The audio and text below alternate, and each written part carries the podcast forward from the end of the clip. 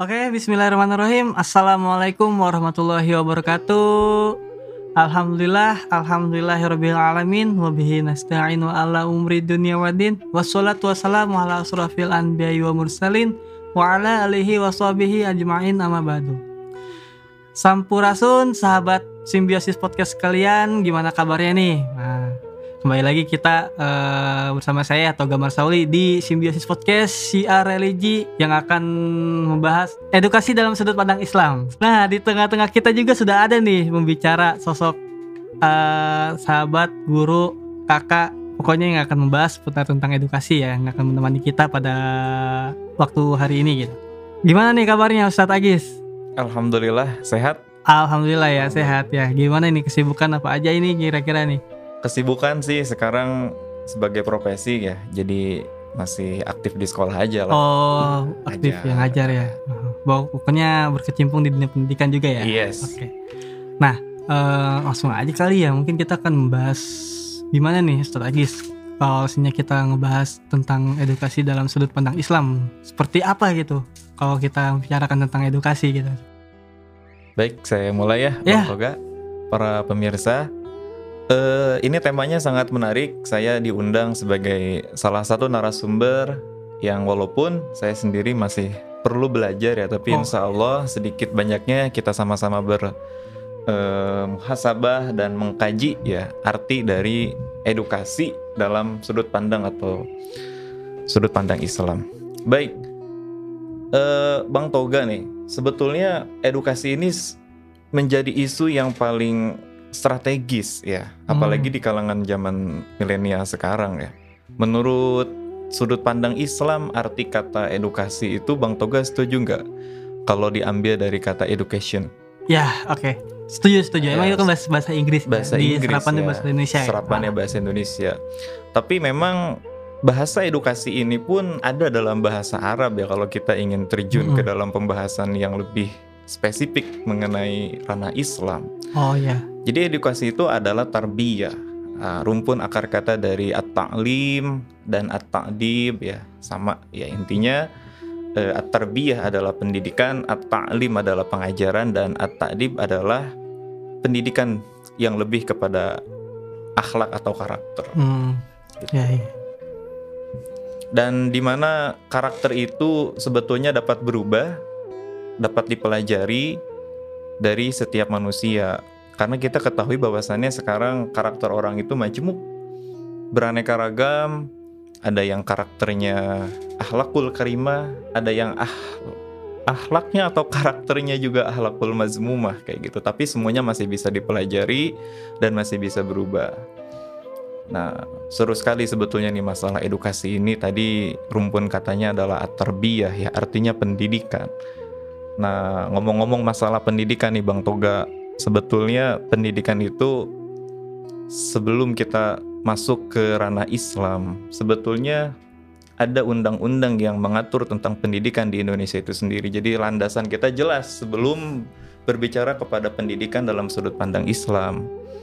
Nah, pendidikan itu tersusun dalam suatu undang-undang yang sudah disah- disahkan ya oleh Presiden Megawati Soekarno Putri tahun 2003 Undang-Undang Sisdiknas nomor 20 tahun 2023 mengatur tentang landasan pendidikan, dasar pendidikan, peran pendidikan, fungsi pendidikan, wajib belajar, haknya para peserta didik, haknya negara dalam memberikan jaminan fasilitas pendidikan dan lain sebagainya. Jadi banyak sekali unsur tentang pendidikan itu sebetulnya. Nah, menarik sekali. Nah, kemudian sejalan dengan itu, Bang Toga dan para pemirsa semuanya, pendidikan itu perlu ditanamkan ya, karena ada ungkapan yang mengatakan bahwasannya pendidikan itu dimulai bukan sejak anak berada dalam usia kandungan. Ternyata baru tahu saya juga ternyata ya setelah mengulik ternyata pendidikan itu dimulai ketika seorang suami atau calon bapak memilih pasangan calon ibu atau yang akan menjadi seorang istri. Coba di mana menariknya? Ini menarik ya. Ini Ah, gimana gimana gimana? Ya gimana gimana gimana? Jadi Sejak pendidikan memilih, iya. Diawali atau dimulai itu bukan sejak dalam kandungan ya oke lah dalam kandungan anak-anak itu sudah ada getarannya, jantungnya terasa, dibacakan ayat-ayat Al-Quran, didengarkan dengan solawat, yang kemudian ketika misalnya dilahirkan pun sudah terbiasa dengan mendengar hal yang baik. Ya. Nah, itu pun benar. Nah, tetapi pendidikan pertama kali yang paling utama dimulai itu adalah ketika kita memilih calon ibu dari anak tersebut. Menariknya di mana kira-kira? Nah, menariknya nih, karena begini, calon ibu itu akan membawa dampak biologis yang paling besar kepada pendidikan, Bang Toga. Hmm, Misal, kalau akhlak atau pribadi si calon ibu tersebut dalam tanda kutip misalnya eh, akhlaknya kurang baik. Sekarang kan zamannya perempuan juga ada yang merokok, ada yang bertato, ada yang bergaya berpenampilan seperti layaknya laki-laki. Kalau bahasa kerennya mah okem kayak gitu ya. Nah, itu akan secara biologis akan langsung tumbuh dan turun kepada cabang bayi seperti itu. Makanya pendidikan itu setuju dimulai dari memulai dari memilih calon ibu atau calon pasangan yang baik menurut Rasulullah Shallallahu Alaihi Wasallam. Oh, ya gitu ya. Nah, Tat, kalau dalam dunia pendidikan sendiri ya, kita coba jangan secara universal dulu gitu. kan. Boleh. Di Indonesia sendiri gitu kan. Kalau pendidikan Islam itu udah gimana tuh kalau lihat dari Ustadz sendiri tuh? Baik, ada hadis yang mengatakan Bismillahirrahmanirrahim. Man hala wulida waladan min nahlin aw ilmin akhoda bihi ada bin hasanin. Yang artinya adalah pemberian yang paling utama orang tua terhadap anaknya adalah pemberian berupa pendidikan yang baik. Nah, dalam hadis itu dikatakan bahwasannya pendidikan yang baik adalah dengan mau izotul hasanah, dengan memberikan hikmah, dengan berupa suri teladan. Kemudian suri teladan ini kita sandarkan kepada akhlaknya Nabi Muhammad Sallallahu Alaihi Wasallam. Jadi artinya pendidikan secara sudut pandang Islam adalah semua perangkat, semua konsistensi-konsistensi yang kesemuanya itu bernafaskan kepada Islam dan berlandasan kepada Al-Quran. Ya. Begitu. Nah, eh, yang menariknya kalau di kita di Indonesia ya kita ngelihat nih ada dua jenis ada dua jenis pendidikan. Mm-mm. Katakanlah eh, kalau kita ngomongin pendidikan, kalau saya di Indonesia secara formal ada namanya sekolah. Iya. Nah, nah, kalau saya sekolah juga kan ada sekolah Islam, ada sekolah umum. Iya. Gitu kan. Sekolah Islam itu ada yang dari pesantren, kalau sekolah umum standar lah SD, SMP, SMA, Iya. perguruan tinggi. Mungkin kalau sih perbedaan mengenai ada sekolah Islam, ada yang bilang Islam ya, sekolah dasar Islam, SMP Islam terpadu ya kan gitu. Nah, menurut Agis nih, apa yang menjadi membedakan antara sekolah umum dengan sekolah Islam gitu? Terutama dari segi pesantren juga gitu kan. Oke. begini. Gimana nih? Uh, jadi kita berbicara masalah pendidikan itu pasti melibatkan tiga hal atau tiga aspek. Oke, kita oke, ketahui. siap, siap. Yang pertama, pendidikan itu bersifat formal, Ya, ya. Yang kedua ada pendidikan non formal, ya. Dan yang ketiga atau yang terakhir adalah pendidikan informal. Nah, yang formal itu adalah pendidikan yang secara sistematis dan terstruktur, ya, menyelenggarakan organisasi pendidikan ya yang sudah beracuan atau berpusat kepada peraturan atau undang-undang yang sudah disahkan. Artinya sebagai penyelenggara pendidikan itu ada di sekolah, ada di pondok pesantren, ada di madrasah. Mungkin kalau sekolah ada tingkatannya SD, SMP, Iya. SMA, SMK sampai ke perguru- perguruan tinggi ya. Nah, untuk pendidikan yang sifatnya non formal ini bisa kita peroleh, bisa kita dapati oleh pengalaman kita hidup sendiri sebetulnya. Dengan adanya kursus-kursus yang lebih kepada life skill. Kursus main gitar, kursus mengemudi, kursus berbahasa Arab, berbahasa Inggris dan lain sebagainya itu adalah pendidikan yang sifatnya non formal yang tidak terstruktur. Dan ada yang terakhir adalah pendidikan informal pendidikan yang berlaku di masyarakat di lingkungan keluarga. Tadi kalau atau gak bilang pendidikan di sekolah dengan pendidikan di pesantren ini apa bedanya? Sama. Karena itu termasuk salah satu pendidikan yang sudah terstruktur memiliki kurikulum. hmm, Mm-mm, jadi ada kurikulumnya. Punten ya kalau dari sekolah umum mungkin di bawah dinas pendidikan. Oh. Kalau yang pesantren itu pasti berpedoman atau beracuan payung hukumnya oleh Kemenag ya Kementerian Agama. Jadi pada dasarnya sama semuanya. Bedanya mungkin kalau untuk di pendidikan pesantren samanya no- sama-sama formal, cuman porsi porsi ilmu pendidikannya lebih banyak muatannya tentang religi, tentang agama. Jadi misalnya banyak pondok pesantren yang pondok pesantrennya tuh tahfizul Quran. Ada pondok pesantren yang pondok pesantrennya tuh berbasis modern sama. Jadi dia boarding school, ya makan, tidur, istirahat setelah jam pulang pesantren pagi sampai jam 15.00 dia belajar di pesantren.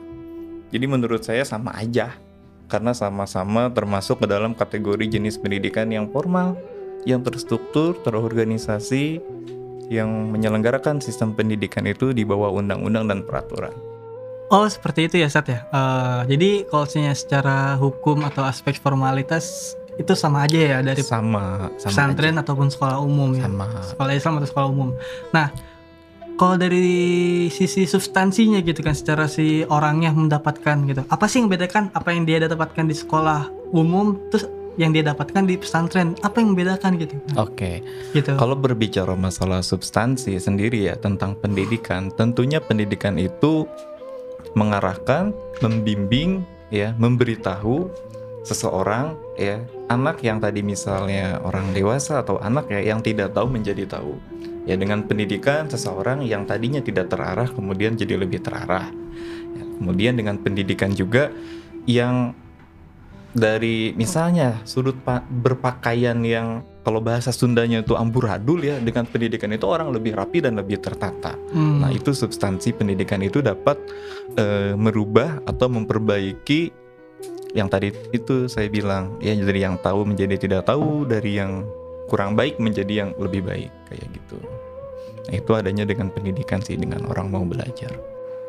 Nah, kalau dari dari yang ia dapatkan dari sekolah umum dengan sekolah Islam lah katakanlah atau pesantren gitu. Iya. kan. Yang membedakan apa tuh? Kalau untuk sekolah umum, goalsnya paling gini ya. Kalau misalnya berbicara sekolah umum nih, anak berprestasi, pinter, IPA, matematika, ya, yang menjadi kebanggaan tersendiri. Kalau dalam perspektif saya sebagai guru agama misalnya ya, saya tanya sama Bang Toga, Iya. itu anak misalnya berprestasi dalam bidang IPA, Hmm. sains, matematika. Kira-kira yang bangganya guru agama atau guru umum? Guru umum. guru umum. Tapi misalnya kalau ada contoh kasus, itu anak siapa yang tawuran? Sekolah mana yang tawuran, yang bikin ribut, yang bikin masalah? Siapa yang kenanya biasanya? Yang ngajar agama, ya, ngajar akhlak, agamanya ngajar salah. akhlak ya. Iya. itu kan ngajar agama. Iya iya iya benar. Karakternya kan. Nah, Oke, jadi iya, kadang iya, iya. misalnya terjadi degradasi antara itu sebetulnya. Hmm. Heeh, jadi kalau untuk masalah sekolah umum dengan masalah tadi pesantren itu sebetulnya tidak serta merta kita bisa membandingkan hal tersebut karena juga ada yang berpendapat di luaran sana yang masuk pesantren itu adalah dalam tanda kutip ya mohon maaf nih sekali lagi itu katanya adalah orang-orang yang buangan ya dalam artian tuh orang-orang yang ah enggak dah mas antren kedua dah gitu orang tuanya teh udah nggak mau pusing Iya iya iya, sampai ada istilah Hmm. Sia Badar pesantren kan ku aing Pesantren gitu kan, ya. seperti itu ya Iya iya iya benar. jadi benar. sebetulnya itu ada itu fenomena Heeh, seperti ada itu. ya. fenomena kayak Ah. gitu tuh ada kayak ada gitu itu. ya ada. Budak nabader hese diatur ngelawan ke orang tua Jadi menstigmakan orang yang masuk pesantren itu orang-orang yang bader jadi. orang yang Padahal nggak seperti itu juga ya eh, Sad ya. Padahal nggak nggak seperti, itu juga. Ah. sebetulnya ya jadi kalau dibilang masalah perbedaannya sih sama ya karena pesantren itu terstruktur juga dia ada pengajarannya ada sistemnya ada tata tertibnya ada hukumnya bahkan hukum hukumnya di pesantren biasanya lebih ekstrim bang Toga Hmm. saya pernah sharing Iya. sama pengalaman teman saya yang pernah dulu pesantren ya. Pesantrennya itu modern ya. Nggak ngaji nih dalam satu hari itu dipantau nanti sama mudirnya. Nih anak nih ada nggak nih? Ketahuan dapat peringatan kedua kali dikumpulin di lapangan, digundulin kepalanya, dibotakin. Tapi kalau di sekolah hal-hal seperti itu sudah tidak ada. Bahkan nih pengalaman saya juga di sekolah itu sekarang kalau misalnya ada guru yang sampai memarahi anak, siswa atau murid, bukan orang tuanya yang membela kepada gurunya, tetapi malah gurunya yang bisa berpotensi disalahkan oleh orang tuanya itu. Ya, Nah menurut Ustadz Agi sendiri mengenai hal kayak gitu tuh yang tadi mengenai mas, ada sedikit apa ya penurunan dari sikap kali ya orang tua. moral sih ya moralnya. moral sih itu saya. berpengaruh gak kepada pendidikan itu baik apa enggak gitu di sangat berpengaruh sekali bang Toga Sangat berpengaruh sangat sekali. berpengaruh Karena sekali saya masih mengalami sih zamannya saya saya sedikit bahasanya melakukan sedikit kesalahan saya terbentak oleh guru soalnya kan Oh, saya iya. pernah sampai bahasanya terkena secara fisik gitu ya fisik. secara fisik pernah gitu kan Iya. cuman mungkin baper sesaat dan setelah itu ya udah jadi Ya pelajaran udah. gitu buat Uh-uh. kita sebagai siswa gitu kan Heeh. kalau It- sekarang mau sampai dilaporin gitu iya ya. sampai Nah, dilaporin itu gimana tuh menurut Ustadz itu dampaknya gimana tuh itu dampaknya sangat luar biasa ya baik Dampak- apa enggak gitu dampaknya sangat luar biasa dan tidak serta merta juga lebih-lebih kita menyalahkan sebagai tanggung jawab atau profesi guru. Dalam tanda kutip misalnya kalau misalnya guru itu salah ya mengajarkan anak kepada hal-hal yang tidak baik kayak gitu ya menganiaya bahasanya lebih kepada bully kayak gitu. Nah itu pun sekalipun kita sebagai seorang guru itu perlu didukung dengan fakta-fakta yang memang bisa membenarkan itu apakah, apakah ada saksi, apakah ada bukti dan tidak serta merta kita menyalahkan langsung tok dia salah kayak gitu. Ditanya dulu saksinya seberapa orang, buktinya apa, tindakannya apa dan lain sebagainya. Karena itu saking menghargainya profesi sebagai guru di masyarakat sebagai modal simbolik orang mengetahui guru adalah orang yang baik. Yang seperti kita tahu bahwasannya ada fenomena di Indonesia ini di pesantren juga ya beberapa ya, satu tahun hampir ke belakang ya. Ada seorang guru di pondok pesantren itu yang mungkin Bang Toga juga tahu kan? Iya tahu. Iya. Dengan hal-hal yang tidak baik seperti itu ya memperdaya mempengaruhi para santriawatinya sampai berapa belas orang ya yang kayak gitu. Nah itu kan semua nauzubillah kayak gitu. Jangan sampai terjadi di dunia kita. Eh, kalau kita ngomongin pendidikan juga kan tadi kata Satagis goalsnya lebih ke arah kelakuan baik ya kan? Berarti kita bisa ngambil garis besarnya itu umum. ya ngambil ngambil garis besarnya itu eh ahlak ya berarti ya? Iya betul. Goalsnya itu ahlak gitu. Akhlak akhlak nah tadi Ustadz Agis sudah ngomong juga gitu kan udah memberi kasih tahu di pesantren pun ada yang melakukan hal-hal yang tidak sewajarnya Iya, seorang betul. guru apalagi. Sewajarnya seorang guru. Nah, kalau begitu berarti sekelas pesantren pun yang notabene pendidikan Islam Ya. itu bisa seperti itu. Lalu gak ada jaminan buat di sekolah umum Iya, ataupun yang di luar daripada sekolah yang notabene sekolah Islam gitu kan ya. Iya, betul. Seperti itu. Nah itu, itu gimana tuh Ustaz? Berarti kan goalsnya nggak tercapai gitu, gitu. Gini, Orang orang jadi takut gitu eh, pesantrenin. Eh, eh. Tapi kan kalau kita balik kepada kejadian ya persentase balik lagi kepada persentase. Maksudnya gimana? Hal-hal itu memang ada, tidak bisa kita pungkiri bahwasannya kita sering sering berjalan ya kesempatan orang lain untuk berbuat jahat itu pasti akan muncul. Entah kita kecopetan, entah kita kerampas, entah kita dalam hal kecelakaan itu kita keserempet kalau nggak kita nabrak kita yang ditabrak. Tapi kan persentase-persentase yang pernah kita alami dalam diri kita itu hanya kecil, paling 5% dari 100%. Nah, dalam artian begini Bang Toga, di dunia pendidikan pun hal-hal seperti itu masih banyak terjadi. Ya, ada aja, tapi fungsi dan pengawasan daripada pemerintah itu sendiri ya. Sekolah saya contoh sering ada monitoring dari Babin Kamtibmas mendata para siswa bekerja sama dengan tim kurikulum dan tim kesiswaan sejauh mana sekolah ini dalam tiga bulan ke depan ada hal-hal apa saja yang misalnya perlu dibenahi kayak gitu dan itu di ada apa ya istilahnya tuh kita sebagai guru-guru kepada anak siswa didik pun selalu memotivasi dan mendorong mereka untuk tidak melakukan hal-hal yang ya berbau-bau negatif lah sampai terjadinya pelanggaran. Tapi kalau masalah di DO nih kayaknya ya saya sepakat hampir setiap sekolah itu pasti ada satu atau dua orang yang pernah di DO. Kayak gitu. Masalahnya beragam sih sebenarnya kalau dalam pendidikan formal itu ya entah dia mendeokan diri sendiri karena nggak mampu untuk bayar buku atau bayar baju atau gengsi yang paling ada masalahnya itu ya gengsi karena nggak pernah punya uang jajan nggak mau ke sekolah nggak punya handphone nggak mau ke sekolah nah, itu jangan Zaman saya gitu tuh. sedih juga sih itu Ustaz. Heeh. Zaman saya cuman dikasih jajan lima ribu ya. Eh, dikasih lima ribu iya nggak ada uang jajan nggak berani ke sekolah nggak mau ke sekolah Sekarang kayaknya siswa udah gak mau ya kalau dia Uh-uh. segitu. Nah, eh, saat nih berarti kan eh tadi gue nggak semuanya seperti itu ya persentasenya gitu kan kita Iya. lihat gitu kan Jadi tidak serta merta ketika dengan ada hal-hal seperti itu menjadi ketakutan dini kepada orang tua untuk tidak berani menyekolahkan anaknya di sekolah. Heeh, karena ada ada juga yang tadi saya bilang dalam Sistiknas itu ada wajib belajar, wajib belajar 9 tahun yang belum direvisi itu kan anak-anak harus menempuh pendidikan sekolah dasar, sekolah menengah pertama dan sekolah menengah atas. Jadi balik lagi kepada ke diri anak itu sih sebetulnya.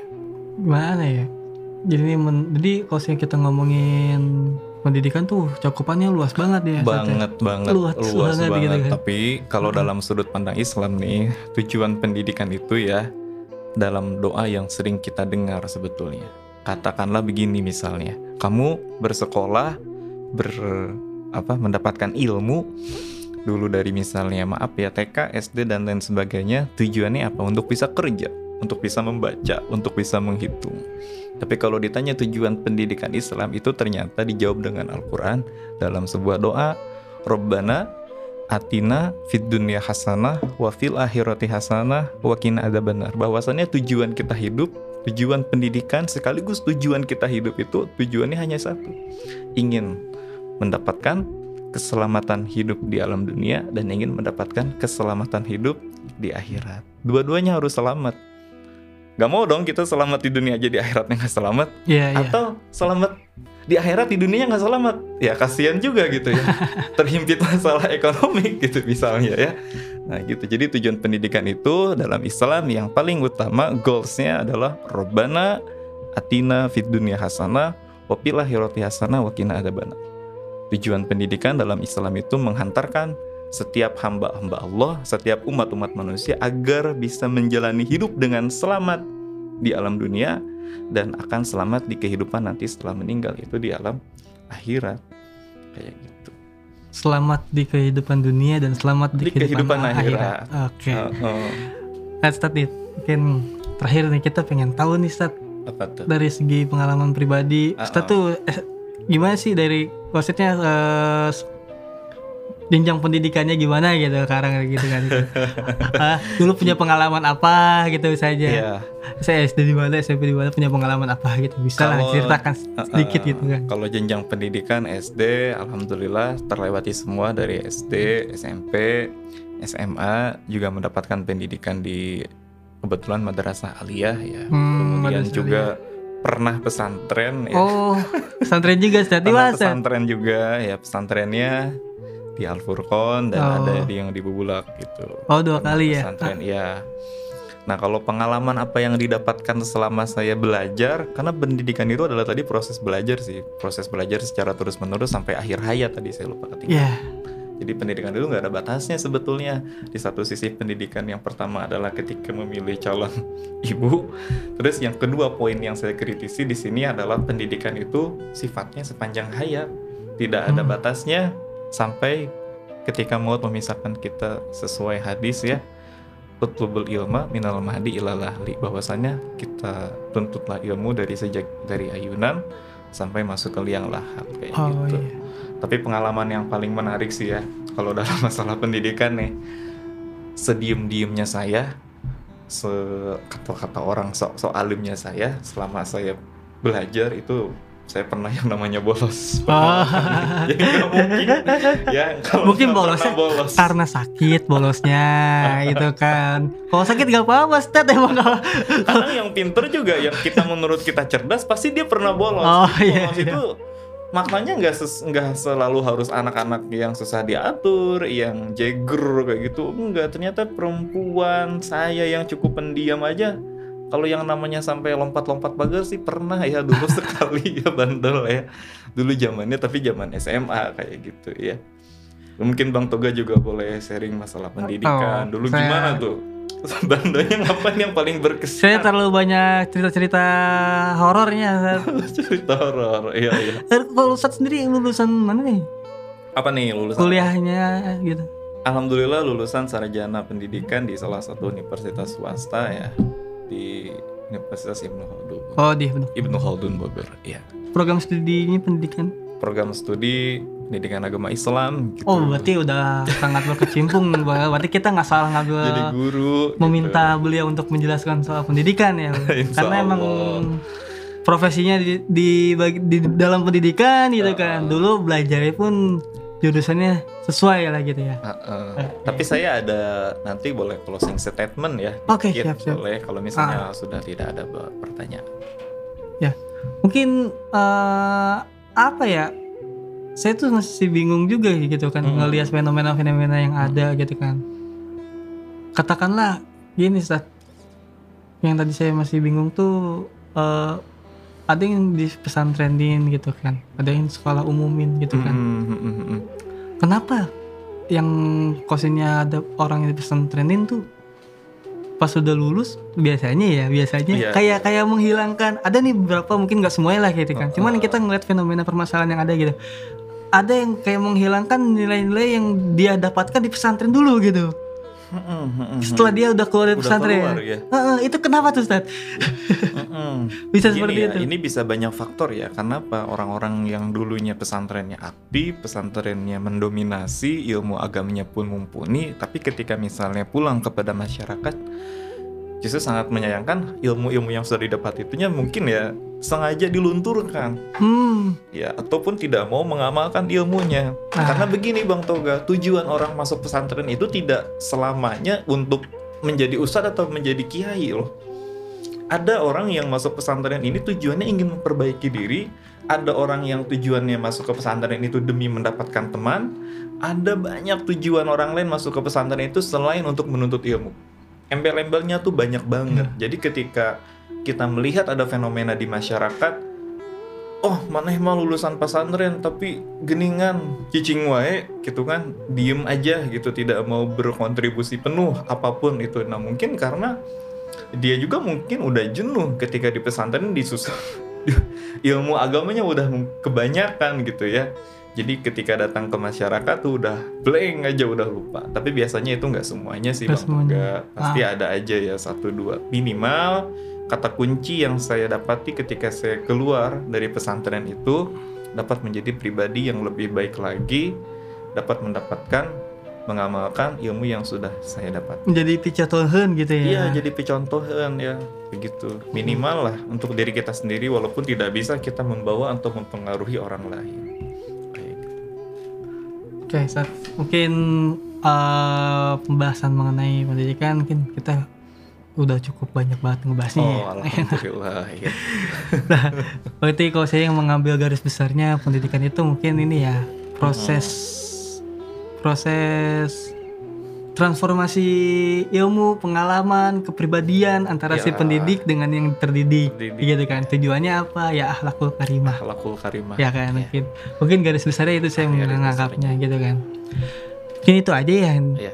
eh, yang kita tanyain seputar pendidikan teman-teman mungkin Ustadz kira-kira nih ada closing statement gak nih buat teman-teman semua yang mendengarkan semua Baik, untuk para pemirsa semuanya, eh, closing statement atau pernyataan penutup dari saya yang hari ini diundang dalam sebuah acara yang mulia, yaitu dalam acara podcast ya, berbagi ilmu, berbagi pengalaman, dan sharing sambil berdiskusi. Poin utama dalam pendidikan itu semua orang, poin paling penting dalam pendidikan itu semua orang berhak mendapatkan pendidikan sejalan dengan yang sudah dicita-citakan oleh Nabi Muhammad SAW bahwasannya ada kata Imam Al Ghazali pernah berkata kalau dirimu merasa lelah untuk ditempa kalau dirimu merasa tidak kuat untuk ditempa ya maka janganlah untuk sekali-kali belajar karena belajar itu akan pedih akan sakit akan pedih akan sakit. Pelajaran itu sangat membosankan tetapi akan memberikan dampak atau nikmat di akhir yang menyenangkan kayak gitu jadi closing statementnya itu paling oke eh, terima kasih nih Ustadz nih tadi Iya. udah memberikan sedikit closing statementnya kepada pemirsa semua ya semoga apa yang Hmm. beliau sampaikan bisa bermanfaat buat kita semua ya amin dan menjadi ya suatu Alamin. insight yang baru buat kita semua Insight yang mengenai baru. pendidikan dalam sudut pandang Islam gitu iya Nah, Baik pemirsa semua, eh, sahabat simbiosis, mungkin kita sudahi ya kita pembicaraan pada hari ini mengenai syiar religi yang judulnya mungkin kita ambil judulnya edukasi dalam sudut pandang Islam dalam gitu ya. sudut pandang Islam.